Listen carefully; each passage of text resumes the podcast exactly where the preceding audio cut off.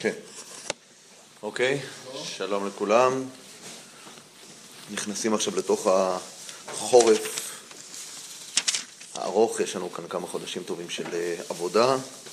אני מקווה, כן, כן.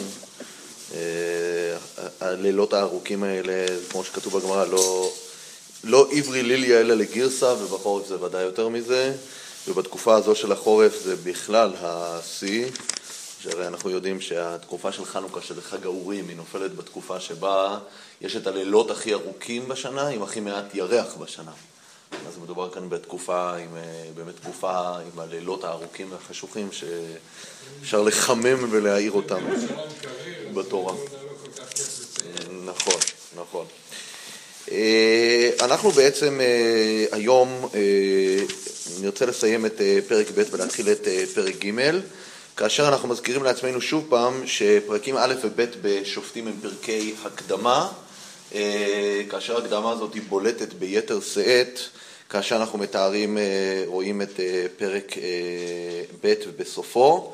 אנחנו הסברנו את האלמנטים שנמצאים בפרק א' שמאוד מאוד חשובים לנו להבנת הספר. ספר שופטים בעצמו, אנחנו נראה, באמת הוא יתחיל בפרק ג' שהיום אנחנו נגיע אליו. בפרק ג' באמת אה, נראה את המילים הפותחות שלו, ואלה הגויים אשר הניח השם לנסות בם את ישראל, את כל אשר לא ידעו את כל מלחמות כנען וכולי, ומשם ואילך מתחיל סיפור השופטים, שיימשך עד אה, כמעט סוף הספר, עד לפרק, סוף פרק אה, ט"ז. זאת אומרת, יהיה כאן מג' עד ט"ז, יהיה כאן 14 פרקים שעוסקים בסיפורי השופטים. כאשר ספר שופטים יש לו מסגרת בהתחלה ובסוף, שהיא מסגרת שנותנת לנו עקרונות ביחס לספר. שני הפרקים הראשונים נותנים עקרונות כלליים מה הולך לקרות פה, ושני הפרקים האחרונים, לא שני הפרקים, זה יותר מזה, זה חמישה פרקים, אה, נותנים לנו שני סיפורי מיקרוקוסמוס שנותנים לנו איזושהי תחושה פנימית בתוך סיפורים פנימיים שקורים בתקופה שמצביעים לנו אה, איך נראית התקופה הזאת ומה האתגרים שלה מבפנים. אבל אנחנו נמצאים עדיין בסוף פרק אה, ב', שהפרק הזה, בפרק ב', אני לא יכול להגיד בסוף, שבו אנחנו אה, רואים חלק מהתהליך ההתחלה והפתיחה של התקופה. בפרק א' אנחנו ראינו את האתגרים שמתחילים קודם כל בפוטנציאל של הסיפור הראשון, שמדבר על זה שיהודה יכול להוביל, לאחד את ירושלים, לשתף פעולה בין השבטים, וכל המרכיבים האלה, אבל הפרויקט הזה אה, נכשל. אה, בהמשך של פרק א' אנחנו רואים את הרשימה שמתארת את מה לא כבשו, כאשר גם בתוך סיפורי אי הכיבוש אנחנו ראינו אה, איזושהי התקדמות סכמטית, איך לאט לאט החיבור שלהם אה, לתושבי הארץ והכישלון שלהם בהורשת תושבי הארץ גובר והולך. תחילת פרק ב' ראינו את הסיפור של הבוכים, שזה אנחנו בשני, ב, ב, ב, ב, בשתי מילים, אנחנו ראינו שם את ההתייצבות של המלאך, שאת המלאך הזה זיהינו כמו אותו מלאך שפתח את, ה, את בספר יהושע לפני הכיבוש, לפני תחילת הכיבוש, בלילה לפני כיבוש יריחו, הוא מתייצב לפני יהושע ואומר לו, אני הולך לקחת פיקוד ולהוביל, ואני רוצה להוביל כאן את הכיבוש המיוחד הזה, אבל הכיבוש הזה, המהלך הזה שאמור ללכת דרך המלאך בצורה אה, אה, חלקית על-טבעית, אבל בצורה של כיבוש מהיר וזריז של כל הארץ, לא יוצא לפועל. זה לא יוצא לפועל מהסיבות שאנחנו ראינו שמצוינות כבר בפרשת משפטים. כתוב שם את מלאכי אשלח לפניך, וראינו שם שיש שם שתי אופציות איך אפשר לכבוש את הארץ. ואפשר לכבוש את הארץ על ידי המלאך מהר, והאויבים נשמיד אותם, והכחידם, כמו שכתוב שם, והכחידם, לעומת אופציה ב' שמופיעה באותו פרק בפרשת משפטים, שבה אה, יש את המעט מעט אגרשנו מפניך, פן תרבה עליך, פן תהיה ארץ שממה וכולי, ויש בעיה עם חיית השדה. גם בפרק אצלנו אנחנו נראה לקראת סופו, כאן, קודם כל בקטע הראשון של הבוכים אנחנו רואים שהמלאך בעצם מכריז על הנטישה, הוא אומר, גמרנו, אני לא יכול, אה, אני לא, לא, לא, מתמודד, אה, לא מתמודד יותר איתכם, אני לא מוביל אתכם יותר, ואנחנו עוברים לפליין B, שהפליין הראשון, כמו שאמרנו, היה כיבוש על ידי המלאך, כיבוש מהיר. עם ישראל לא ממלא את צוואת יהושע להוריש את יושבי הארץ ולסלק אותם, ולכן עוברים לתוכנית השנייה. את היישום של התוכנית השנייה אנחנו נראה בתחילת פרק ג', ששם כתוב שזה הולך להיות לאט לאט לנסות את ישראל, ללכת לאט, כי אנחנו עוברים באמת למהלך שונה לגמרי מאשר המהלך הראשון שהיה צריך ללכת על ידי המלאך. כן. אמרת שתסביר למה זה חשוב שהוא מהגלגל. אה, נכון, אני שכחתי להגיד את הנקודה הזאת, אז בואו נשלים את זה. כמו שאמרנו, אחת מהשאלות שבולטות שם, אני חוזר אחור, קצת אחורה באמת לסיפור של הבוחרים, היה לנו את ההפסקה באמצע שדיברנו על חנוכה, אנחנו חוזרים בעצם אה, אה, שלוש, אה, שלושה שבועות אחורה, שם דיברנו על הסיפור של הבוחרים, רואים שמלאך השם עולה מן הגלגל, ואנחנו שאלנו מה הקשר לגלגל. לכאורה המרכז שבו עם ישראל, המרכז הרוחני של עם ישראל זה בשילה, זה לא בגלגל. זה מצביע על מה שאנחנו דיברנו, שהגלגל זה המקום שבו היה הבייס של הכיבוש. כל שבע שנות הכיבוש, עם ישראל היה יוצא מהגלגל לכיבושים שלו, היה הולך לכל מקום אה, בארץ, כאשר המרכז הצבאי שלו, מרכז הצבאי של הכיבוש היה בגלגל. גם המשכן היה שם, הכל היה שם. כאשר מלאך השם עולה מן הגלגל, זה מסמן לנו את זה שהוא בעצם מגיע מהמקום שבו הייתה הציפייה הראשונית איך אמור להתבצע הכיבוש. כאשר הנושא של המלאך פה, והוא מדבר כאן, על ההתרשלות. כי הרי כמו שאמרנו, כיבוש הוא לא רק השתלטות צבאית על השטחים, אלא הוא דורש גם לנקות את השטח בשלב השני, שזה אומר להוריש את הגויים. עם ישראל נכשל בזה, ולכן מלאך השם עולה מן הגלגל. הוא מגיע מהמקום שמסמל בצורה הכי מובהקת את הצורה איך הכיבוש היה אמור להיות. זה הגלגל. הגלגל כאן מסמל את הרעיון של הכיבוש האידיאלי, אבל בסופו של דבר הכיבוש האידיאלי לא יוצא לפועל, הכיבוש המהיר, אה, ולכן אנחנו עברנו כאן לאופציה ב' של כיבוש איטי, ארוך, מייגע, שאת כל הדברים שלו אנחנו נראה... למה זה לא הולך בצורה הזאת? באיזה למה- צורה? למה זה- למה זה לא מתבצע בצורה מהירה? אז אנחנו דיברנו, זה בעצם, הדבר הזה מתקשר ל- ל- לאיזשהו מוטיב שדיברנו עליו בעצם לאורך כל ספר יהושע, שגם בספר יהושע אנחנו ראינו שהייתה אופציה והיה רצון לעשות כיבוש מהיר של כל הארץ. זה מופיע גם במלחמת מלכי הדרום שם, בפרק, אה, בפרק אה, י', ששם אנחנו רואים כיבוש מהיר. אה, הפשלה הגדולה שיש, שמתחילה כבר אז, זה עם הסיפור של הגבעונים. שהציווי של המלאך בפרשת משפטים זה לא תכרות, לא להם ברית. אסור לכרות ברית ליושבי הארץ. ברגע שאתה מתחיל בשיתוף פעולה עם יושבי הארץ, שם ראינו, פספסנו את ההזדמנות לעשות את הכיבוש המהיר של כל הארץ, זה החטא הגדול שהיה בסיפור של הגבעונים.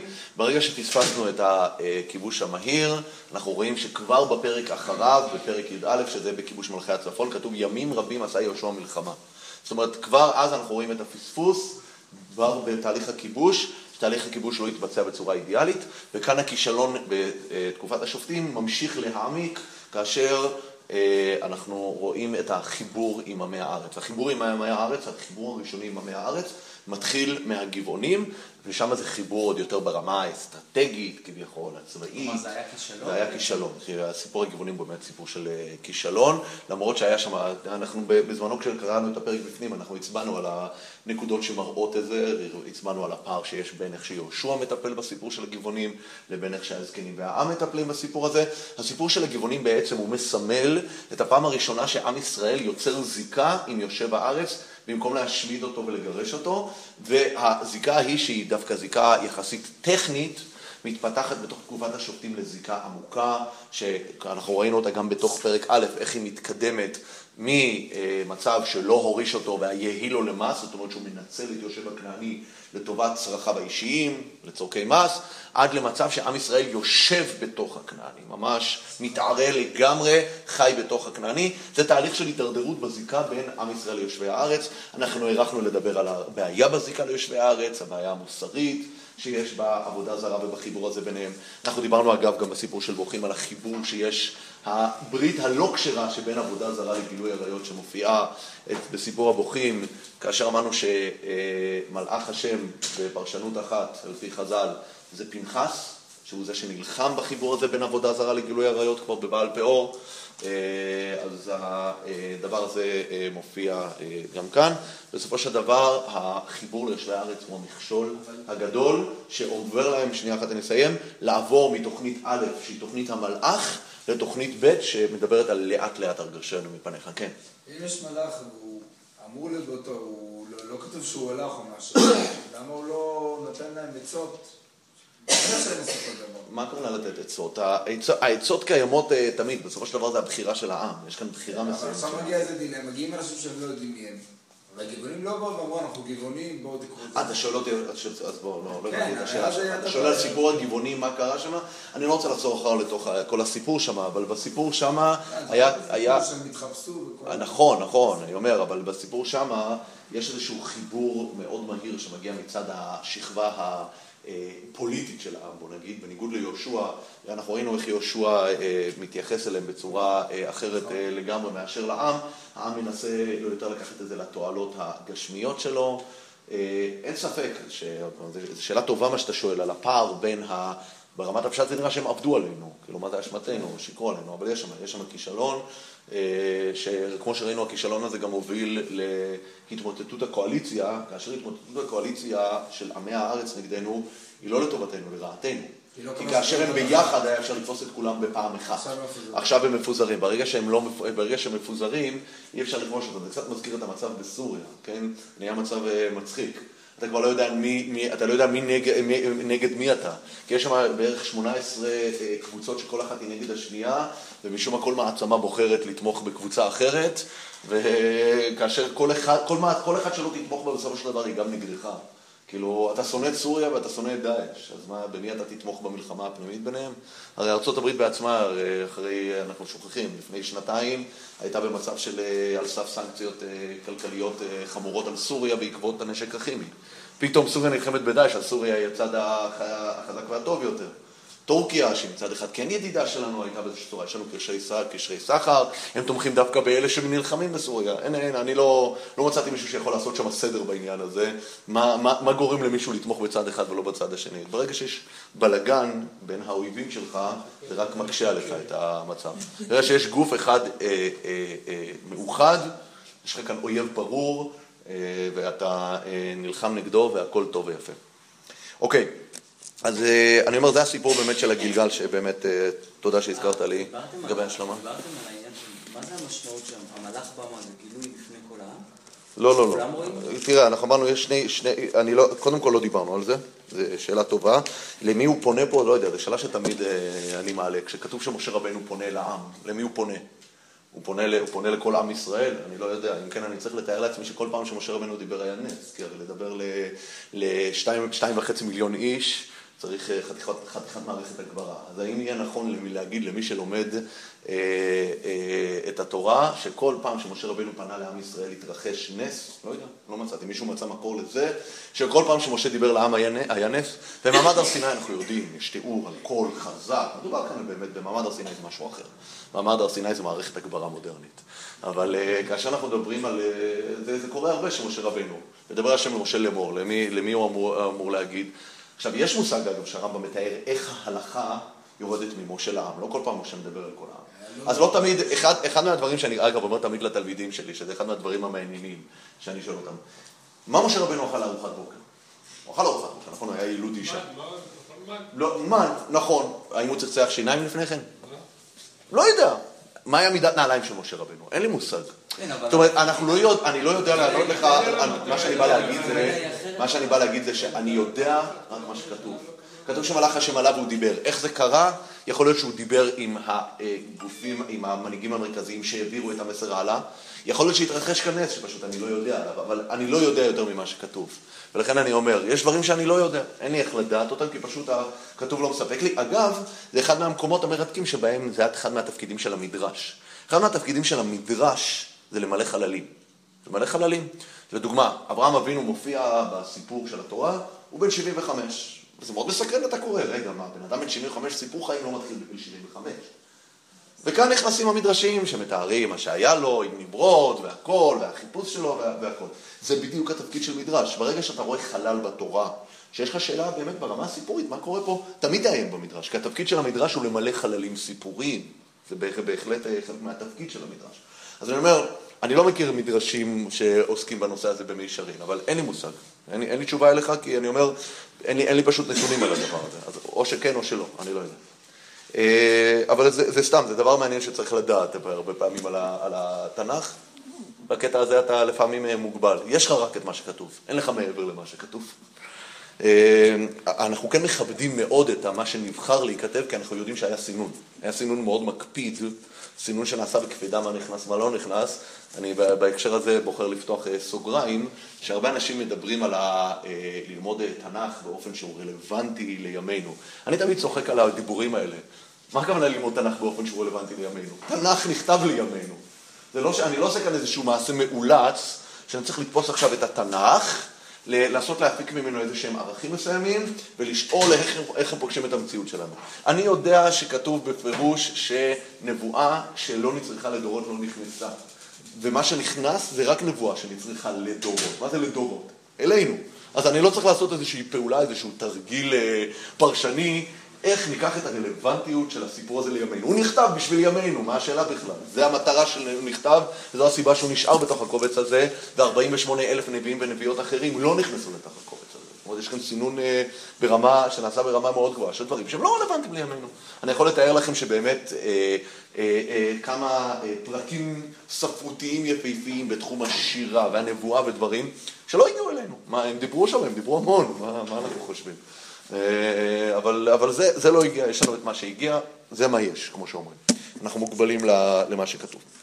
אוקיי, אני רוצה עכשיו להמשיך ואני אגיד לכם מה, מה אני הייתי רוצה להספיק לעשות היום. אני רוצה לסיים, למי שהגיע ונכנס עכשיו מעט באיחור זה בסדר, אנחנו מתחילים עכשיו, אה, עד עכשיו אה, עשינו קצת השלמות. אני רוצה לסיים את סוף פרק ב', ומראש אני אומר לכם, תשימו לב שהסוף פרק הזה הוא מעט מבולבל. אה, הוא מעט מבולבל, אז לכן אנחנו ננסה לעשות בו סדר, כי יש כאן באמת משהו אה, מסודר מאוד, בצורה מאוד יפה, אני רוצה להציע כאן איזו הצעה, אה, איך הבלבול הזה דווקא מצביע על משהו מאוד מהותי ביחס לספר הזה. ואחר כך אנחנו נתחיל את פרק ג', נתחיל כבר את ה... אני מקווה שנספיק להגיע לזה, להתחיל את הסיפור הראשון של ימי השופטים, שזה הסיפור של עתניאל בן כנז, השופט הראשון. אוקיי, אז בואו נקרא את סוף הספר. אגב, את סוף הפרק. אני, יש כאן אה, את הקטע האמצעי בתוך הפרק, אנחנו, אם נחלק את הפרק הזה לשלושה חלקים, אז יש את החלק הראשון של המלאך והבוכים, יש את החלק האמצעי של מוטי יהושע, כן? ויש את החלק השלישי, ששם באמת זה אה, מתואר שם הגלגל של השופטים, שאנחנו נצייר אותו אולי עוד פעם, רק כדי להזכיר לכם, הגלגל של החטא בספר שופטים, אבל אנחנו נראה איך הגלגל הזה מתואר כאן בתוך המעגלים של הגלגל פה אנחנו נראה שהם גם מספרים לנו משהו. עכשיו רק להגיד אה, שני מילים על הסיפור של מוטי יהושע שמופיע פה, אנחנו ציינו, מוטי יהושע מופיע גם פה בפרק. הוא מופיע גם בסוף אה, ספר אה, יהושע. הדבר הזה יוצר את החיבור בין אה, שני הספרים כדי להגיד שבעצם תחילת ספר שופטים והתופעות שימשיכו בספר שופטים נעוצים בסוף ספר יהושע, שבו בעצם יהושע מת, ואם אנחנו אולי אפילו נפרגן לעצמנו לקרוא, לקרוא את זה, עוד שנייה נשמע את השאלה שלך, אני אקרא את זה איתכם. פסוק ו', פרק ב', פסוק ו'. וישלח יהושע את העם וילכו בני ישראל איש לנחלתו לרשת את הארץ ויעבדו את העם, את, אה, יעבדו העם את השם כל ימי יהושע וכל ימי הזקנים אשר האריכו ימים אחרי יהושע אשר ראו את כל מעשה השם הגדול אשר עשה לישראל. וימת יהושע בן נון עבד השם בן מאה ועשר שנים ויקברו אותו בגבול נחלתו בתמנת חרס בהר אפרים מצפון להר געש. כאן יש כבר את הקטע שנוגע אלינו שלא מופיע בסוף ספר יהושע. וגם כל הדור ההוא נאספו אל אבותיו, ויקום דור אחר אחריהם אשר לא ידעו את השם, וגם את המעשה אשר עשה לישראל. זאת אומרת, המוות של יהושע הוא אה, אה, גורר, יש אחריו את המוות של הדור שמלווה את יהושע. אנחנו בעצם ניגשים עכשיו, צריך להיות ערים לזה, לדור שלישי ליוצאי מצרים. הדור הראשון של יוצאי מצרים, אנחנו יודעים שכולו מת במדבר. היחידים ששרדו מדור יוצאי מצרים ליהושע, זה אה, יהושע וכלב. כאשר אה, מהדור של יהושע לדור פה, אנחנו אה, יודעים שאלה ששורדים, אנחנו נראה, יש גם את עתניאל בן קנס שעוד שנייה אנחנו נדבר עליו, יש גם את פנחס.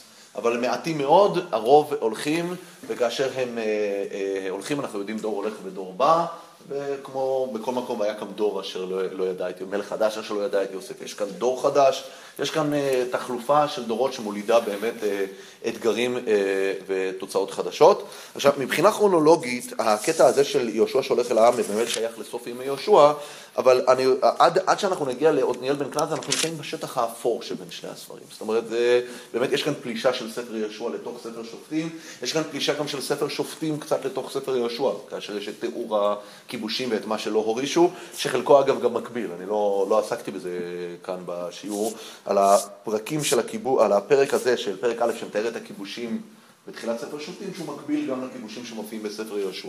אז זה בעצם, התפקיד של ההקדמה הזאת זה גם לתאר את המעבר בין הדורות. כן, מה רצית לשאול? למה הספר לא פותח במות יהושע, כמו שבדרך כלל רוב הספרים פותחים? מה, ויהיה אחרי מות יהושע? כן, ואחרי זה, זה... זה, אחרי זה, איך, שהספר פותח. אה? המשפט הראשון בספר זה ויהי אחרי מות יהושע. לכן מי שקורא את הספר, כן, כן. אבל זה, אני אומר, אנחנו יכולים לעשות כאן את התרגיל הפשוט. מי שירצה ללמד את הספר הזה ולא לספק לכם את כל התשובות מההתחלה, צריך לשאול את השאלה הבאה, ויהי אחרי מות יהושע, אתה מתקדם פרק וחצי ופתאום וישלח יהושע את העם, מה קרה? הוא קם לתחייה? זה חזרה, זה חזרה, אנחנו אמרנו כאן, אז הפרק, אגב, בכל ההקדמה פה, בכל ההתחלה, ההתחלה היא לא כרונולוגית, אנחנו ראינו את זה בתוך ההתחלה עצמה. מתואר שמעלים את אדוני בזק לירושלים, פתאום מתארים שכובשים את ירושלים. מה קרה? אנחנו אמרנו, יש חלקים מסוימים בתחילת ספר שהם מוקדמים כרונולוגית כדי להביע איזושהי נקודה. דיברנו על הסיפור הראשון בספר שבא להביע איזושהי נקודה, כן? אה, מה? אני, אני, יש כאן עוד אחד? אה. תסתכלו ביחד עליי. אוקיי? אז אני אומר, אה, אבל אחר כך הוא לא יוכל אה, לשאול איפה מופיע מות יהושע, אבל כן מופיע ויהי אחרי מות יהושע.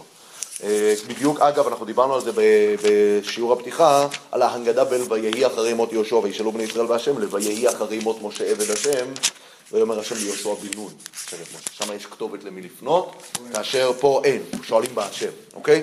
אז אני אומר, יהושע מת, ובאמת יש את החלל שאנחנו דיברנו עליו, שנמשיך לעסוק בו. זו שאלה שאנחנו הולכים לעסוק בה ולדוש בה, איך יהושע משאיר את העם כצאן אשר אין להם רועה. למה העם לא ניסה לחפש מישהו? מה? למה העם לא ניסה לחפש מישהו? אה, בוא, נגיד ככה, אה, העם, מנסה לחפש, הספר הזה יעסוק בחיפוש. זה החיפוש, זה החיפוש. חיפוש הוא לא כזה פשוט. לא, באו לגדעון, יש, כאן חיפוש. הספר הזה עוסק בחיפוש אחרי המנהיג. צרות. נכון, נכון. העם- מחפש מנהיג כשיש צרות. לזה. העם מחפש מנהיג כשיש צרות. למה? הסיפור, הסיפור הזה הוא סיפור ש... הסיפור הזה הוא סיפור שחורגים מגבולות הספר. המנהיגות אה, בדרך כלל צומחת אחרי הקטסטרופה. כמעט ולא קיימת מנהיגות שמקדמת את פני האסון. אה, מטבע- הדברים ככה... כן, בימים האלה מלך ישראל ישע ישר בעיניו יעשה, יש איזשהו חיפוש, אנחנו נצטרך לראות, אחת מהשאלות הגדולות שיהיה לנו, נסיים את ספר שופטים ונשאל, אז רגע, אז מהו המתכון ליצירת מנהיגות? ויותר מזה, מהי המנהיגות הראויה? כי הספר כאן הולך להציג לנו דגמים שונים. מדובר כאן, אה, אנחנו, אם אנחנו נסיים את ספר שופטים ונתחיל את ספר שמואל, אנחנו נצטרך לעמוד מול אה, שלושה דגמים שונים של הנהגה, שאנחנו צריכים לדון מה הטוב ביותר מביניהם. יש את משה ויהושע, שזה דגם אחד של הנהגה. יש את דגם השופטים ויש את דגם המלוכה. אגב, יש בהמשך, יהיה עוד אה, דגם.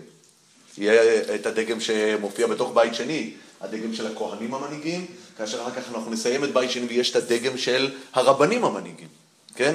זאת אומרת, הכוח פתאום, הכוח הפולי, הפוליטי המרכזי עובר לבית המדרש, הוא עובר מבית המקדש לבית המדרש, כן? אה, דגם המנהיגות בעם ישראל זה מאוד מעניין לעקוב אחריו, איך שהוא אה, הולך ומתעצב ומשתנה בהתאם אה, לתקופות השונות ולסיטואציות השונות. אני חושבת שיש בדיוק תיאור של מה שקורה בשני פסוקים הראשונים. זאת אומרת, זה עם רגיל למנהיג אלוקי, שהקדוש ברוך הוא מנחית כמו ברק. כן. כמו משה, אחרי משה, נכון. שכולם ידעו שזה יהושע. הוא להציל מרוחו, ויש נבואה מחורה כן. שממשיכה. אז- והעם שואל מי, והקדוש ברוך הוא בכוונה לא עונה מי. הוא עונה שבט מדי עליהם. ב- נכון, בסדר, אז אנחנו דיברנו על זה, דיבר- דיברנו על זה כבר בזמנו, אני לא רוצה לחזור עכשיו ברוורס כי אני רוצה להתקדם. אה, אני מאוד אוהב לחזור ברוורס, כי אני מאוד אוהב ככה את המעגלים האלה, כל הזמן לדבר על מה שהיה ולהמשיך ולהרחיב, אבל אה, אבל אני רוצה להתקדם יותר, כן. נכון, נכון, נכון, שם אנחנו רואים, שם אנחנו גם רואים את זה, בהחלט, בהחלט. אה, אבל מסכת אבות זה פחות עוסק במנהיגות, זאת אומרת, מלכים לא מופיעים במסכת אבות. מנהיגות רוחנית, נכון. אבל פה אנחנו מדברים גם על המנהיגות, על המנהיגות הפיזית, אה, ובהחלט הספר הזה עוסק בחיפוש. אה, כאשר אני כבר זרקתי מה שנקרא כמה רמזים, אנחנו נמשיך לעסוק בזה, זה סוג של סוגיה מבחינתי שמלווה אותנו לאורך כל הספר, ויהיו לנו תובנות כל הזמן שיצוצו ביחס לסוגיה הזאת, כי כל הזמן אנחנו נדוש בה ונדון בה. אה, הספר, ספר שופטים הוא ספר מאוד מרתק בהקשר הזה של דמויות שונות באופנים שונים. למי, למי, למין שמשון שהוא סוג של מנהיג מוזר, הוא רמבו שיכול לעשות הכל לבד, הוא איש one man show, כמו שאומרים, אה, לבין הרצון ללכת אצל גדעון ולייצר שושלת מלוכה, והוא מתנגד ואומר, השם ימשול בנו, לבין אבימלך, הבן של גדעון, שזה המקום הראשון שאתה רואה שלטון של אה, אוליגרכיה, ממש יחסי הון שלטון בצורה קיצונית עם בעלי שכם, המון המון דגמים של מנהיגות יפים כאן בספר. הספר, הספר שופטים הוא ספר המחקר הראשון שנכתב על מנהיגות, אפשר להגיד. אה, אבל אה, אנחנו נגיע לזה. אמרתי, הרי זה חלק מההקדמה שדיברנו. מי שכתב את הספר הזה זה שמואל. זה מי שמייצר את המלוכה בישראל. אז הוא, יש לו אג'נדה מאוד ברורה בספר הזה כדי להצדיק את המהלך, שהוא בעצמו מהלך שהוא הוא, הוא, הוא בעצמו מסתפק עליו. הוא בעצמו, אני לא יכול, אני לא מסכים למילה, הוא מתנגד. הוא מסתפק. הוא מסתפק, והוא אגב, והסיבה שהוא מסתפק, אנחנו נצטרך לדעת, כשאנחנו נרצה לדעת למה שמואל כן מביע הסתייגות מהמלוכה, אנחנו נצטרך להבין את זה מתוך ספר שופטים. כי בתוך ספר שופטים, למרות הקטסטרופה של הספר והכל, יש איזושהי אה, שאיפה אידיאלית של השם ימשול בנו. למה צריך את המתווכים? בואו, אנחנו יכולים להסתדר לבד, בלי הדגמים של ככל הגויים בית ישראל, אלא יש שם איזה דגם של אין עם לבדד ישכון, עם איזשהו אה, אה, אה, תפיסה מנהיגותית אידיאליסטית כזאת, שלא לא, לא צריך את הפוליטיקה, אפשר, אפשר להיפטר מהרובד הפוליטי, אפשר, אפשר לוותר על הפוליטיקה, אבל זה לא עובד. זה לא עובד בשטח, זה אידיאלי וזה יפה, אבל בשטח זה לא עובד. טוב, בואו בוא נעזוב עכשיו את התיאוריה ונרד לשטח. אני רוצה להתחיל לקרוא בפסוק אה, י"א. אה, כמו שאמרנו, עכשיו אנחנו נקרא את המעגל של שופטים, ואני רוצה בבקשה שתרשו לעצמכם להתבלבל כשאתם קוראים את הפסוקים האלה, כי באמת מי שקורא זה, ואני רוצה להגיד, אגב, זה קורה בהמון המון מקומות אה, תנכיים, אני תמיד מרגיש את זה כשאני קורא את ספר דברים, אני מרגיש שמשה רבנו שמה ממש מטרחן, אתם מכירים את הביטוי לטרחן? מטריח עליהם. הוא חוזר, וגם לא הייתם בסדר שם, וגם לא הייתם בסדר שם, ואז כשהייתי, ואוי, מה עשיתם שם והכל, ואתה לא רואה איזושהי סכמה ברורה, זה נראה שהבן אדם הגיע לגיל 120, והוא עכשיו שופך את uh, כל תלאותיו על uh, עם ישראל, אין שם מבנה ברור. אני, אני, אני אומר, אחד מהדברים שהייתי רוצה יום אחד לעשות, כי אני, אני לא, זה לא שלי יש הסבר לזה, זה לקבל איזשהו הסבר ברור בתוך הפרשיות הראשונות בספר דברים, מה, מה קורה שם? הוא חוזר על כל מיני דברים הרבה פעמים, אחורה, קדימה, מטייל, זה, זה נראה מאוד אסוציאטיבי שם. אבל אז אני אומר גם פה, בוא נראה. אוקיי, אז עכשיו, אבל אני אומר, לא לשכוח שאנחנו נמצאים פה בהקדמה. זה לא איזה מישהו, בספר דברים אני יכול להגיד, זה באמת, אה, מדבר שם בן אדם, ובאמת אה, שופך, מה שנקרא. פה זה נכתב בצורה מאוד מסודרת, כמו שאמרנו, זה הספר כמעט הכי מסודר בתנ"ך, שיש לו הקדמה. אז בואו נקרא את ההקדמה. ויעשו בני ישראל את הרע בעיני השם, ויעבדו את הבעלים. ויעזבו את השם אלוהי אבותם המוציא אותם מארץ מצרים. וילכו אחרי אלוהים אחרים מאלוהי עמים אשר סביבותיהם, וישתחוו להם, ויכעיסו את השם, ויעזבו את השם, ויעבדו לבעל ולעשרות. ויחר אף השם בישראל, ויתנם ביד שוסים, וישוסו אותם, וימכרם ביד אויביהם מסביב, ולא יכלו עוד לעמוד לפני אויביהם. בכל אשר יצאו יד השם הייתה בם לרעה, כאשר דיבר השם, וכאשר נשבע השם להם, ויצר להם מאוד. אני הייתי רוצה, כשאנחנו קוראים את זה, עוד איפה הדרושים, הנה, שנצייר לעצמנו את המעגל שעשינו אותו כבר באחד מהשיעורים הראשונים, את המעגל הידוע מאוד של שופטים, רק שיהיה לנו כאן מול העיניים, תמיד עושה אותו ככה, שאנחנו מכירים, הוא מתחיל עם חטא, עונש, זעקה ושופט, כאשר אנחנו אה, הולכים מפה לפה. כן, רואים את מה ש... זה קצת בעייתי. אה, אז אני אומר, זה המעגל שמלווה אותנו, ואנחנו רואים אותו פה אה, בפרק. בני ישראל יעשו, ויעשו בני ישראל הרע בעיני השם ויעבדו את הבעלים, זה החטא. ויעזבו את השם אלוהי אבותם המוציא אותם מארץ מצרים וילכו אחרים לאחרים אלוהי עמים אשר סביבותיהם וישתחוו להם ויכיסו את השם. ויעזבו את השם ויעבדו לבעל ולהשטרות ויחר אף השם בישראל זה העונש. ויתנם ביד שוסים וישוסו אותם וימכרם ביד אויביהם מסביב ולא יכלו עוד לעמוד לפני אויביהם. בכל אשר יצאו יד השם הייתה בם לרעה כאשר דיבר השם וכאשר נשבע השם להם ויצר להם מאוד. יצר להם מאוד נכון? ויקם, ויקם השם שופטים ויושיעו מיד שוסיהם. וגם על שופטיהם לא שמעו, כן? ממשיכים את הגלגל. כי זנו אחרי אלוהים אחרים, והשתחוו להם. סרו מהר מן הדרך אשר הלכו אבותם אה, אה, לשמוע מצוות השם, לא עשו כן. וכי הקיע להם שופטים, והיה השם עם השופט. והושיע מיד אויביהם כל ימי השופט, כי ינחם השם מן ההכתם מפני לוחציהם ודוחקיהם. והיה במות השופט ישובו והשחיתו מאבותם ללכת אחרי אלוהים אחרים, לעובדם ולהשתחוות להם, לא הפילו ממעלליהם ומדרכם הקשה. ויחר אף השם בישראל, ויאמר יען אשר עבדו הגוי הזה את בריתי אשר ציוויתי את אבותם ולא שמעו לקולי, גם אני לא אוסיף להוריש איש מפניהם מן הגויים אשר עזב אה, יהושע וימות, למען נסות בם את ישראל השומרים הם את דרך השם ללכת בם כאשר שמרו אבותם אם לא. וינח השם את הגויים האלה לבלתי הורישם מהר ולא נתנם ביד יהושע. אוקיי? עכשיו, צועקים הרשע. אז אנחנו נראה עכשיו באמת, אני, מה שהייתי רוצה זה לנסות לחלק את הפרק הזה, כי הוא פרק, את הקטע הזה, כי הוא קטע מעט מבולבל, לשלושה חלקים, שהשלושה חלקים האלה הולכים קצת להגדיר לנו, אה, אני אעבור כאן לצבע קצת יותר אה, מעניין, אה, איך הולך להיות, ה, איך, איך, נראית ה, אה, איך נראה כאן המעגל של השופטים. ראינו שהמעגל כאן מתואר, אבל אני רוצה לחלק אותו לשלושה רמות שונות שמופיעות כאן אה, בפרק, ולכן מה שהייתי רוצה לעשות כאן, בואו נראה אם יהיה לי כאן מקום, זה לעשות כאן טבלה שבה אני רוצה לעשות את החטא,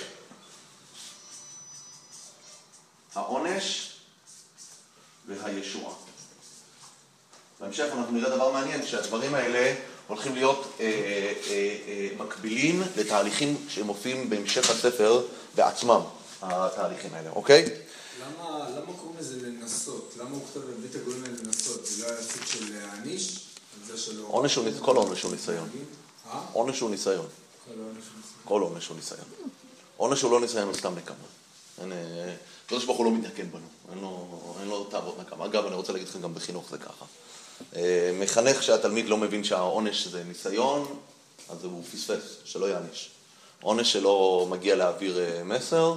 אגב, לכן אחד מהדברים הכי, מה- לא אחד הדברים הכי מהותיים ש, ש, שאני אני מאוד מאמין בזה, זה שמהמקום שאני באתי ממנו בעבר, אגב זה לא בעבר, זה קורה גם היום, אה, יש, העונש הכי פשוט זה לתת לילד סטירה, נכון? אומנם זה לא חוקי, וזה לא בסדר, וזה אלימות, ויש לזה תוצאות הרסניות, אבל זה קורה, אין מה לעשות, זה קורה גם בימינו, שנת 2015 במדינת ישראל, יש הרבה אה, אלימות מצד אה, מורים כלפי תלמידים אה, בבתי ספר. אבל המושג הזה של עונש, כן, של ליצור כאב אצל התלמיד ביחס למה שהוא עשה, זה, אגב, זה גם יכול ליצור ניסיון, אבל ניסיון ברמה מאוד מאוד נמוכה. בסופו של דבר התלמיד ילמד כי הוא מפחד מהסתירה. לא כי הוא צריך ללמוד, לא העברת לו מסר. המסר הוא תלמד כי אם לא תחטוף סתירה, נכון? גם בזה יש ניסיון. יש גם תלמידים שגם את זה לא מבינים. אה, אני יכול, אני יכול, אני מכיר הרבה תלמידים מצעירותי שהיו חוטפים סתירות ועדיין לא היו לומדים כמו שצריך. כי, לא, כי בדרך כלל מי שנותן סתירות גם לא טורח לברר מה שורש הבעיה. מבחינתו הוא רוצה את, התוצאה, התוצאה זה שתלמד, לא מעניין אותו הקושי שלך, לא מעניין אותו האתגר שלך. אז לכן מבחינתו צריך להיות תוצאה אחת, תלמד או שתחטוף סתירה. אה, כאשר אני, ענישה צריכה להיות אה, דבר הרבה יותר משמעותי. ענישה צריכה להיות ממ- ממקום של תוצאה, ומצד, וחשוב מאוד שזה יהיה תוצאה מתקנת לצורך העניין, אוקיי? ילד מגיע מאוחר לשיעור, הוא יוצא מאוחר להפסקה. יש פער גדול בין זה לבין סתירה, למה? כי כאן יש עונש ויש תוצאה. הזו... אתה לקחת זמן לעצמך מהשיעור, זמן שלך יילקח כנגד, אוקיי? זה באיזשהו מקום זה. יש דברים עוד יותר משמעותיים, עונש מתקן. עונש מתקן זה אומר, אתה איחרת אה, לשיעור, כן? אתה תצטרך מחר בבוקר, בעשר דקות הראשונות של השיעור, להסביר לכל הכיתה על חשיבות של עמידה בזמנים. שים לב להבדל. אה, זה כבר, זה כבר מקום שמביא אותו למקום של להבין את המשמעות של מה שהוא עשה, אוקיי?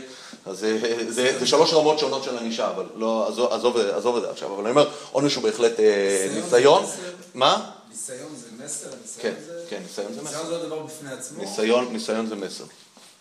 יש, יש ניסיונות, יש ניסיונות איזוהר, ניסיונות של אברהם שזה, אה, ניסיונות של אברהם זה סיפור, זה סיפור אה, מזן אחר לגמרי להבנתי, אה, סליחה. זה, שמה, שמה זה, זה באמת מה שנקרא מבחנים. אה, פה זה, זה, ניסיון זה לא חייב להיות אה, דווקא המקום הזה של המבחן. אה, אגב, החיים שלנו הם סוג של ניסיון, נכון? מדברים על ניסיונות. החיים שלנו הם סוג של ניסיון להבין את, ה, להבין את המסר ולהתקדם בעקבות הדבר הזה. אה, אז בואו נניח לדבר הזה ובואו ננסה עכשיו באמת למפות את הפרק. אה, אני אצטרך את העזרה שלכם פה. אה, מה שהייתי רוצה לעשות זה בואו נחזור, אה, בואו נלך אה, לפסוק אה, י"א, כן? ויעשו בני ישראל את הרע בעיני השם ויעבדו את הבעלים, כן?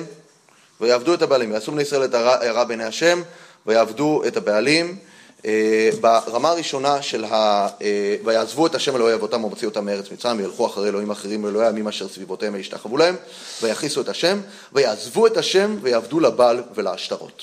יש כאן שלושה רמות שונות לגמרי שאני רוצה אה, לתאר אותן פה מבחינת החטא.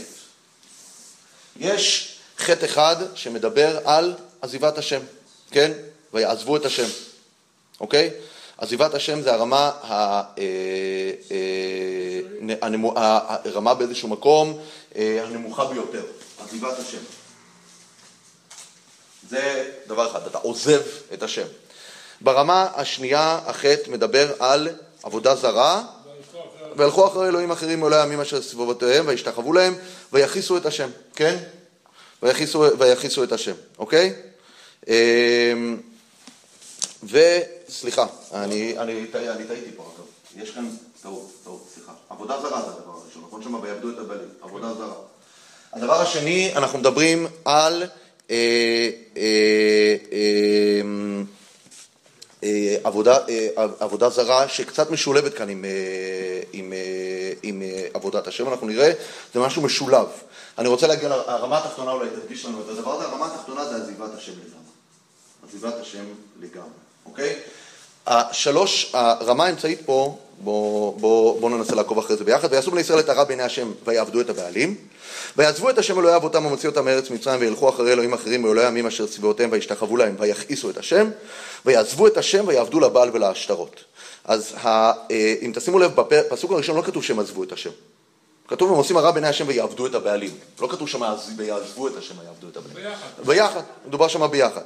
יש לעזוב את השם אה, ולעבוד אלוהים אחרים, ויש את העבודה זרה לכשעצמה, אוקיי? אז אני הייתי רוצה להציג את זה, עבודה זרה, יש עבודה זרה יחד עם עבודת השם, ויש עבודת השם, ויש עזיבת השם לגמרי. בואו נלך לעונש, נראה בפסוק י"ד, אנחנו נראה את הרמות האלה. מה? יש, אני רוצה, אני כן רוצה להראות כאן שיש כאן שלב ביניים, אני אגיד לך גם אחר כך, אני אנסה אה, לתת לזה תימוכין בשלושה תוכחות שונות שמפריעות במהלך הספר, שמדברות על שלושת המצבים האלה. יש מצב ראשון שפוגשים את הדבר שבחוץ, אוקיי? אה, ויש, אה, יש, זאת אומרת, ויש את השלב שאתה, יש את השלב שאתה, מה שנקרא, נמצא על קו התפר, ויש את השלב שאתה חוצה, אוקיי? יש את הגישוש כלפי חוץ, יש את שלב הביניים, ויש, ויש עזיבה גמורה, אוקיי? ויעבדו וילכו אחריהם, שני דברים שונים. אמ, אני חושב שיש כאן, ב, ב, אני, עוד פעם, אני מנסה כאן אה, לעשות כאן את החלוקה הזאת, בואו תעזרו לי. האם, בוא, בוא, בוא, נשאל, בוא נשאל את זה כשאלה פתוחה. נ, נ, ניקח שלושה משפטים פה. יש, ויעבדו את הבעלים, זה דבר אחד, זה בפסוק הראשון. יש הפסוק השני, ויעזבו את השם אלוהי אבותם המוציא אותם מארץ מצרים, וילכו אחרי אלוהים אחרים מאלוהי עמים אשר סביבותיהם, וישתחוו להם ויכיסו את השם. זה פסוק שני. פסוק שלישי זה ויעזבו את השם ויעבדו לבעל ולהשתרות. אני, אני רואה פסוק י"ב כמייצג איזושהי מערכת דואלית, שבו אתה נמצא בשלב שאתה רגל פה ורגל שם. אמנם בשניהם כתוב את הביטוי של ויעזבו את השם, אבל בפסוק י"ג זה הרבה יותר נחרץ. עוזבים והולכים לבעל, גמרנו. זה מה שנקרא נטישה. פסוק י"ג, אה, פסוק י"ג באיזשהו מקום מייצג נטישה. עזבו והלכו לשם. פסוק י"ב אני רואה אותו יותר מייצג איזשהו שלב שיש עדיין מערכת יחסים כלשהי.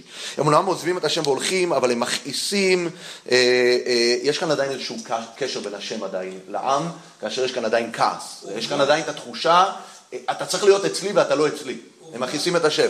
הרי כתוב בפסוק י"ג עוד פעם ויעזבו. נכון. הוא אומר שהיה עדיין... אז אני אומר, ההבדל בין העזיבה של פסוק י"ב לעזיבה של פסוק י"ג, שהעזיבה של פסוק אה, י"ג מדברת על עזיבה לגמרי. הם חצו את הקווים לגמרי. פסוק י"ב מייצג מצב של איזשהו מקום, אתה עוזב את השם, אין ספק שהתנועה היא בכל הפסוקים מייצגת תנועה כלפי חוץ. אבל תנועה כלפי חוץ מורכבת משלושה שלבים.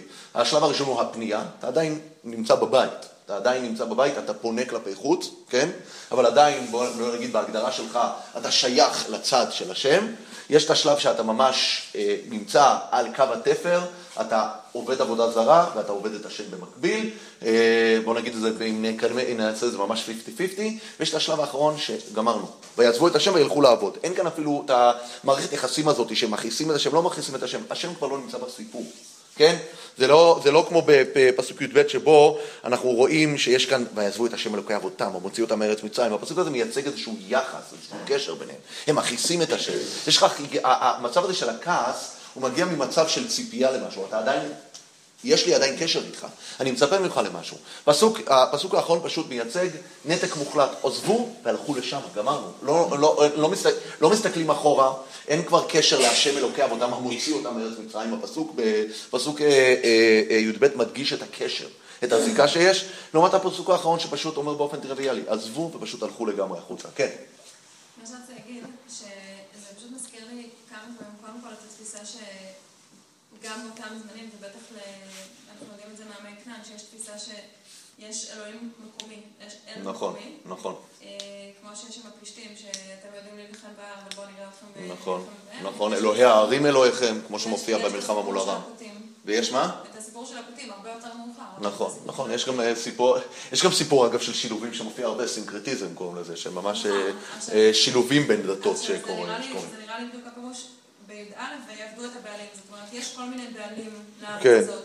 כן. יש את אל הבעל שלה, ויש כן. יש את אל השמש, ויש נכון, את אה, נכון. האלה והשטרות, נכון. ואחר כך כאילו... נכון. אני, אני, אני חושב, אגב, אם רק, אם רק באמת נחדד את הנקודה של הרמה הראשונה של החטא, יש איזשהו מקום שאתה יוצא החוצה לעשות, לעשות את החטא. יש לך בית, הבית שלך הוא הבית היהודי, הבית השלב, אתה יוצא החוצה לצרוך את החטא במקום אחר, אבל המקום שלך זה הבית. הרי הנושא כאן זה איפה הבן אדם עומד, כן? המקום, ה baseline שלו, המקום שבו הוא מתחיל באמת ברמה הראשונה, הוא נמצא בבית, הוא עדיין נמצא בתוך הסיפור היהודי, הוא יוצא החוצה באופן, אפשר להגיד, אה, אה, מקומי, באופן אנקדוטלי, אה, ל- ל- ל- לחטוא. אבל עדיין המקום שלו, לאן הוא שייך? הוא שייך כאן, שייך, לצ... שייך, ל- שייך לקדוש ברוך הוא. בשלב האמצעי הוא פשוט באמת נמצא בשלב שהוא קרוע בין זהויות פה, הוא ממש נמצא במצב שהוא נמצא בקו התפר, כאשר בשלב השלישי הוא הגיע להכרעה, הוא בחוץ, הוא בחוץ, אוקיי? בואו נלך לחטא, לעונש. השלב השני זה העונש, יש את החטא, יש את העונש. העונש, אה, מה זה? המקום של העונש מתחיל מפסוק אה, אה, אה, י"ד. ויחר אף השם בישראל ויתנם ביד שושים וישוסו אותם, אוקיי? זה אה, אה, מצב אה, שאנחנו מדברים על אה, עונש, זה ויתנם ביד שוסים. ויתנם ביד שוסים. מה השלב השני? וימכרם ביד אויביהם מסביב ולא יוכלו עוד לעמוד לפני אויביהם. וימכרם ביד. אויביהם. והשלב השלישי, בכל אשר יצאו יד השם הייתה בם לרעה. בכל אשר יצאו יד השם בם לרעה. מה הם הרמות השונות שיש לנו כאן אה, בעונש? המושג של שוסים זה סוג של, אה, אה, הייתי קורא לזה התעללויות. בן אדם- בן אדם חופשי שהוא מוכה. כן. הוא, הוא, הוא סובל מדי פעם אה, הצקות. הוא סובל הצקות, יש כאן הצקות מצד גורמים אה, חיצוניים. אה, זה הרמה הראשונה של לתת ביד אה, שוסים. כאשר אנחנו מדברים על ינקרם ביד אויביהם, כבר מדובר על כיבוש. מדובר על כיבוש שאתה פשוט נמצא, מאבד את העצמאות שלך. אתה מאבד את, ה, אה, את העצמאות שלך, וינקרם ביד אויביהם. יש את השלב השלישי, שזה שלב שממש, מה שנקרא, כיסוח מכל כיוון. אתה פשוט חוטף, חוטף ללא אה, אה, שום, אה, באמת, ללא שום פרופורציה. מאוד חשוב לי לעקוב אחרי הדברים האלה, כי עוד שנייה אני ארצה, ברשותכם, לעבור בתוך הספר עצמו ולראות שהרמות האלה מתארות באמת רמות שונות בתוך התקופות בתוך ספר שופטים. בואו נגיע רק לסיפור האחרון של הישועה. בסיפור האחרון של הישועה יש, יש כאן שני שלבים. ויקם השם שופטים ויושיעו מיד שוסיהם, שוסיהם, אתם רואים? מתייחס לרמה הראשונה, נכון? דיברנו, הרמה הראשונה זה שוסים, העונש היה שוסים. ויקם השם שופטים ויושיעו מיד שוסיהם, וגם אל שופטיהם לא שמעו, כי זנו אחרי אלוהים אחרים והשתחוו להם. שרו מהר מן הדרך אשר הלכו באבותם לשמוע מצוות השם, לא עשו כן. זה הרמה הראשונה, אוקיי? זה, יש כאן ויקם שופטים, ויקם שופטים מיד שוסיהם. אוקיי? ברמה השנייה אנחנו אה, ממשיכים, וכי הקים השם להם שופטים והיה השם עם השופט והושיעם מיד אויביהם כל ימי השופט כי ינחם, השם מנאקתם מפני לוחציהם ודוחקיהם והיה במות השופט ישובו והשחיתו מאבותם ללכת אחרי אלוהים אחרים לעובדם להשתחוות להם לא הפילו ממעליהם ומדרכם הקשה, אוקיי? אז מה שאנחנו אה, אה, רואים כאן אה, מבחינת השופטים אה, הושיעם יד אויביהם. אנחנו רואים כאן את הרמה של וימכרם ביד אויביהם, נכון? שזה מופיע אה, ביחס לדבר הזה, והושיעם יד אויביהם. עכשיו, מיד אויביהם. במה דברים אמורים? וכאן זה נראה קצת אה, אבסטרקטי, כל החלוקה הזאת שאני עושה. כאשר כאן, אגב, אה, אני לא יודע אם יש לנו כאן המשך, אני לא מצאתי כאן את המקבילה כל כך ברמה של הישוע מיד השופט, אבל מה שאני רוצה להגיד זה שנייה אחת. יש לנו בתוך ספר שופטים, ובואו נעבור קצת, ל... נעזוב קצת את האבסטרקט הזה, כי עוד שנייה כשאני אחבר אותו לשטח, אתם יותר תבינו אולי מה, מה, אני, מה המהלך שאני מנסה לעשות פה. כמו שאמרתי, הפרק הזה נראה קצת מבולבל, זה נראה שהוא חוזר על ביטויים חוזרים ונושנים, ואני רוצה לעשות כאן איזושהי סכמטיות אה, בפרק, ולייצר, ו, ולהראות כאן שלושה אה, דרגות שונות שמופיעות בתוך הספר. שלושה תוכחות מופיעות שמגיעות בתוך ספר שופטים כהפסקות ברצף הסיפורי שנותנות לנו תוכחה. תוכחה אחת אנחנו קראנו אותה, זה התוכחה של אה, הבוכים. שזה, שם מגיע מלאך שמגיע ומתאר להם מה הם עשו, איפה הם לא היו בסדר ומה קורה להם. התוכחה השנייה תופיע אה, בתחילת אה, פרק ו', כאשר שם יש את הסיפור של גדעון. שם יש את הסיפור של גדעון, ושם אנחנו אה, יכולים לראות מהם המוטיבים שמופיעים שם. ובואו נקרא את זה כדי שאנחנו נראה את זה. אני רק רוצה, ל, ל, כדי למקם אותנו, עד לפרק ו' אנחנו נתמודד, אה, נעבור אה, סיפור של אה, ארבעה שופטים. יהיה לנו את השופט הראשון בן גנז, יש את שמגר בן ענת, שלושה, שופ... סליחה, שלושה שופטים ויש את דבורה וברק, אוקיי? אז יש שלושה שופטים שאנחנו עוברים בחלק הראשון של הספר, ואחר כך מגיעה תוכחה. ובואו נראה. פסוק, פרק ו', פסוק א'. ויעשו בני ישראל הרע בעיני השם ויתנם ביד מדיין שבע שנים. ואתה עוז יד מדיין על ישראל מפני מדיין. עשו להם בני ישראל את המנהרות אשר בהרים ואת המערות אשר בצדות, והיה עם זרע ישראל ועלה מדיין ועמלק מפני קדם ועלו עליו.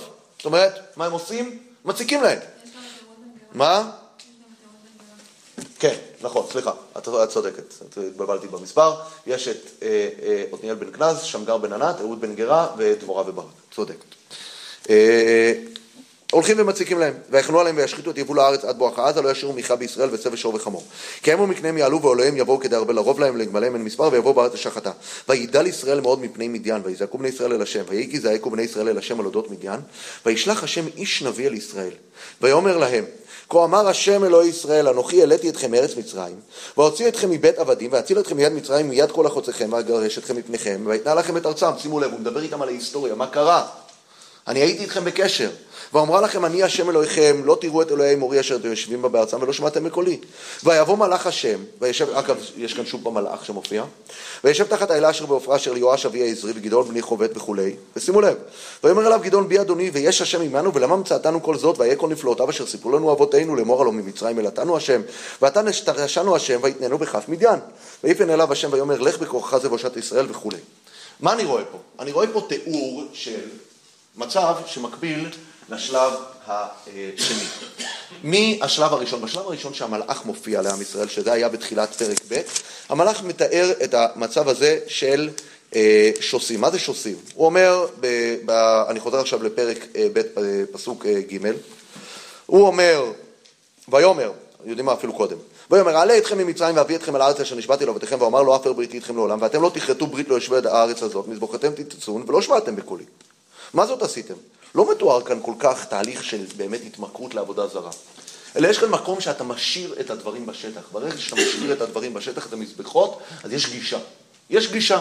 וזה החטא הראשון, שיש כאן מסלול שנוצר לכיוון עבודה זרה. וגם אמרתי לא אגרש אותם מפניכם, והיו לכם לצידים, ולא הם יהיו לכם למוקש, אוקיי? עכשיו ממש כאן מדובר לא על כיבוש, הוא לא מדבר כאן על כיבוש. הוא לא מדבר כאן בכל אשר יצאו יד השם הייתה בהם לרעה. מה פתאום? כאן מופיע אצל המלאך, המלאך מדבר ממש על הרמה הראשונה. אם אתה משאיר את העבודה הזרה בארץ, יש את האופציה. האופציה הזאת היא פתוחה.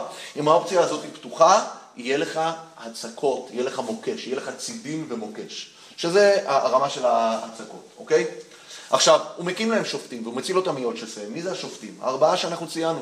עתניאל, שמגר בן ענת, אה, אהוד, דבורה. עכשיו, זה לא עובר, זה לא עובד, וגם עם ישראל מתקדם לשלב יותר עמוק. בשלב ממש שיש אה, עבודה זרה יחד עם עבודת השם, וזה מה שאנחנו רואים בתחילת הסיפור של אה, גדעון, ושם אנחנו רואים שיש ממש עבודה זרה, יש שם את הבעלים שהם אה, עובדים אותם, יש שם את מזבח הבעל, הם, אה, אה, עם ישראל כבר נמצא ממש במצב שהוא מחובר לעבודה זרה, ועבודה זרה נוכחת וקיימת בתוך עם ישראל. מצד שני, אנחנו רואים שהדו-שיח כאן מדבר על זה שאיה נפלאותיך.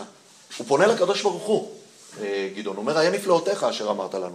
זאת אומרת, יש כאן גם ציפייה, עדיין יש איזשהו קשר עם הקדוש ברוך הוא, שיש בו ציפייה, למה? ציפייה לאיזשהו קשר. זאת אומרת, יש כאן עבודה זרה, כאשר עדיין נשמר איזשהו קשר עם השם, והדו-שיח הזה הוא באמת מזכיר את הדו-שיח ברמה האמצעית, שדיברנו עליו, ששם, דיברנו גם בחטא, ש... אם נחזור לפסוק הזה ונקרא אותו בפנים, מה מופיע בפסוק הזה? ויעזבו את השם אלוהי אבותם, המוציא אותם מארץ מצרים, וילכו אחרי אלוהים אחרים. זאת אומרת, מדובר כאן על ציפייה שמבוססת על היסטוריה של חסד, של נתינה מצד הקדוש ברוך הוא לעם, וגם בדו-שיח הזה בין גדעון לבין המלאך, שעוסקת שמה בנושא של עבודה זרה, גם מדברת על המצב הזה של הציפייה לקשר וציפייה לתוצאות מצד הקדוש ברוך הוא. אז זה באמת אה, המצב השני שבו אנחנו נמצאים במצב ביניים. יש עבודה זרה, אבל עדיין יש קשר עם הקדוש ברוך הוא, קשר שבא לידי ביטוי גם בפנייה של המלאך אה, אל, אל גדעון, וגם לפני כן בתוכחה, שאומר, יש לי ציפייה מכם, אבל גם מצד שני יש שם את הבעל, אנחנו יודעים שהפעולה הראשונה של גדעון הולכת להתעסק עם הסיפור של מזבח הבעל. הוא נקרא ירובל כי הוא משמיד את הבעל, אבל הבעל כבר נוכח וקיים שם בתוך עם ישראל. כן. אבל יש שינוי בין פרק ב' בין פרק ו' בפרק ב', הוא לא מוצא שום זכות לעם ישראל. הקדוש ברוך הוא מושיע אותם בגלל הרחמנות של הקדוש ברוך. איפה אתה רואה את זה? כן. כי, הוא אומר, אמ, וכי הקים השם להם שופטים. אה, אתה מדבר על, השלב של, הישועה, כן? בפרק כן. הם צועקים להשם. נכון. אתה שואל אותי איפה הצעקה. איפה הצעקה? כן. נכון, אני לא יודע, זו שאלה טובה. התיאור של הצעקה לא מופיע כל כך אה, הרבה פה, זה נכון. התיאור של הצעקה קצת אה, נעלם פה. זה נראה ויקם השם שופטים, לא יודע, כתוב רק ויצר להם מאוד. לא כתוב, אה, לא לא על הזעקה. תקופה של הפסקה גדולה בין יהושע לבין כל השופטים האלה. נכון. טוב, טוב. אחרי שכבר שופטים, אז אתה חוזר למשהו שכבר היה לפני לא מזמן. נכון. בואו בוא נעבור רק לשלב האחרון. השלב האחרון מגיע לפני יפתח. בשלב האחרון אנחנו נראה איך זה ממש מקביל, מקביל ל"בכל אשר יצאו יד השם הייתה בם לרעה". אה, בסיפור של, אה, אה, לפני הסיפור של יפתח, אנחנו נמצאים בפרק פרק י', פסוק אה, י"א, או אפילו לפני כן, לפני כן, סליחה, פרק, פרק אה, י' פסוק ו', פרק י' פסוק ו', כאן כבר עברנו עוד כמה שופטים, אנחנו עברנו את אה, גדעון, עברנו את אבימלך, תולה בן פועה, יאיר הגלעדי, עברנו עוד כמה שופטים ואז אנחנו מגיעים לשלב האחרון. ויוסיפו בני ישראל לעשות הרע בעיני השם, עכשיו, חשוב לי להדגיש, המקומות האלה שאני מדבר עליהם זה המקומות היחידים שבהם פתאום יש תיאור כללי מה קורה לעם ישראל. זה לא תיאור פרטני שקשור לסיפור ספציפי, זה נראה שכותב הספר בעצמו רצה לעשות כאן פאוזה בין הקטעים ולהגיד, אנחנו, שימו לב, אנחנו עוברים כאן לשלב יותר קשה. זאת אומרת, אם נחלק את הספר לשלושה חלקים על פי החלוקה שאמרנו, יש את הפתיח שמתחיל במלאך בבוכים, שהוא עד ימי גדעון. מימי גדעון יש את שלב ב' שהוא עד ימי יפתח. מימי יפתח ואילך אנחנו מגיעים לשלב השלישי והכי קטסטרופלי. מה קורה בימי יפתח? אני קורא. ויוסיפו בני ישראל לעשות הרע בעיני השם ויעבדו את הבעלים ואת העשתרות, שימו לב לרשימה פה, ואת אלוהי ארם ואת אלוהי צידון ואת אלוהי מואב ואת אלוהי בני עמון ואת אלוהי פלישתים ויעזבו את השם ולא עבדו. ויעזבו את השם ולא עבדו, זהו, יש נתק מוחלט. ויחר אף השם בישראל, ושימו לב לביטויים כאן, וימכרם ביד פלישתים וביד בני עמון, וירועצו וירוצצו את בני ישראל בשנה ההיא, שמונה עשרה שנה את כל בני ישראל אשר בעבר הירדן בארץ המאיר אשר בגלעד, בארץ אשר בגלעד, ויעברו בני עמון את הירדן להילחם גם ביהודה ובבנימין ובבית אפרים, ותצר לישראל מאוד, ויזעקו בני ישראל אל השם לאמור, חטאנו לך וכי עזבנו את אלוהינו ונעבוד את הבעלים. ויאמר השם לבני ישראל, הלא ממצרים ומן האמורים ומבני עמון ומן הפלישתים וצידונים ועמלק ומעון, יש כאן רשימה ענקית. שאגב חלקם לא מופיעים אפילו בסיפורי השופטים. לחצו אתכם ותזעקו אליי ואושיע אתכם מידם, ואתם עזבתם אותי, ותעבדו אלוהים אחרים, לכן לא אוסיף להושיע אתכם. לא אוסיף להושיע אתכם. לכו וזעקו אל האלוהים אשר בחרתם בם, המה ישלו לכם ביצרתכם. ואומרו בני ישראל להשם חטאנו, עשה אתה לנו ככל הטוב בעיניך, חצילנו נא היום הזה. ויסירו את אלוהי נכר מקרבם ויעבדו את השם ותקצר נפשו בעמל ישראל. וכולי, ואז מתחיל הסיפור של יפתח. כאן אנחנו מגיעים לשלב האחרון, עזיבת השם לגמרי, כמו שמופיע. עזבו את השם לגמרי. מה קורה שם בשלב הזה? בכל אשר יצאו ידה שם הייתה בם לרעה. אנחנו רואים כאן רשימה ענקית, ארוכה, של אויבים שפשוט מכסחים אותם מכל כיוון. מי שקורא את הפרק הזה, ואנחנו כשנגיע אליו אנחנו נקרא אותו ונזכר בזה שוב פעם, פשוט מכסחים, התחושה היא שמכסחים אותך מכל כיוון. וזה הרעיון שבכל אשר יצאו יד השם הייתה בם לרעה, כי זה בגלל שעזבו את השם לגמרי. אגב, זה מאוד מצחיק התנועה הזאת, עזבו את השם לגמרי, מצד שני אנחנו רואים כאן דו-שיח בינם לבין השם. הם פונים להשם. אבל כנראה ששם הגלגל הולך ומעמיק. כמו שאמרתי, הגלגל הזה הוא יותר סוג של ספירלה, לפי מה שאני מציג. כי החטא, החטא בהתחלה, כשחוזרים זה כבר לא אותו חטא כשחוזרים אליו בסבב השני. בסבב הראשון זה חטא ברמה של עבודה זרה, ואז אמרנו, יש הצקות, יש דברים כאלה. בשלב השני זה כבר לא רק עבודה זרה, זה כבר, אה, אה, אה, יש, אה, זה לא רק יציאה לעבודה זרה, אלא זה כבר סוג של שילוב. ואז יש כבר ש... שבי ודברים כאלה, כאשר בשלב השלישי מדובר על שק חבטות. עם ישראל בשלב האחרון באמת הופך לשק חבטות, וזה בעצם אה, שלושת השלבים שמופיעים כאן בפרק, ובאמת מופיעים גם בתוך הספר כשלושה שלבים אה, אה, נפרדים. אם הייתי רוצה אגב. לכתוב את השלושת השלבים האלה, אז הייתי כותב, יש את א', זה אה,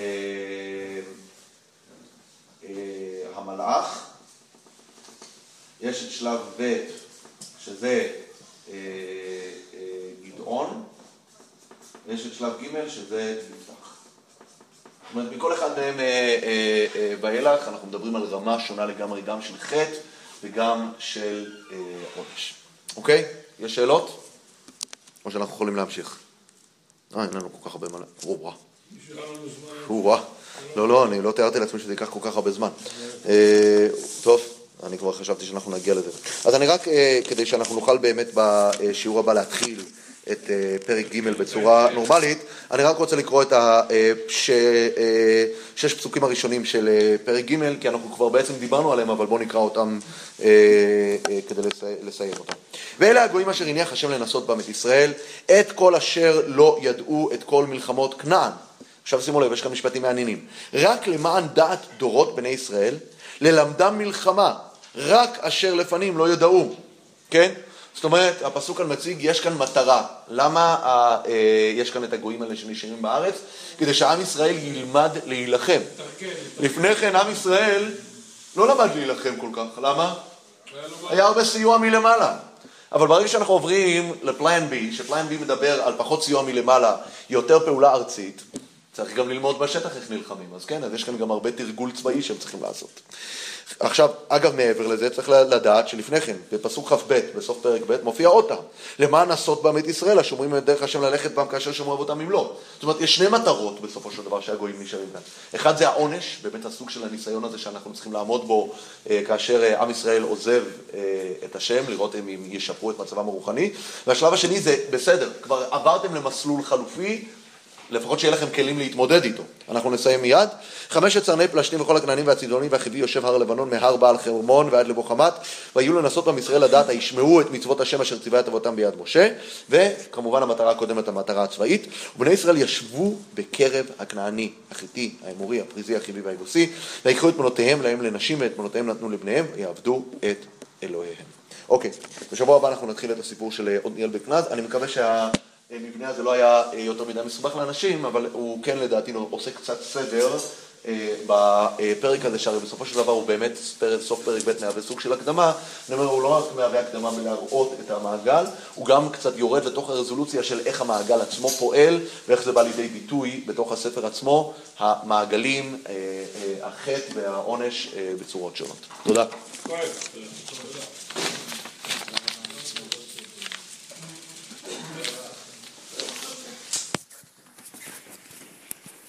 ימי שלישי. ימים קשים.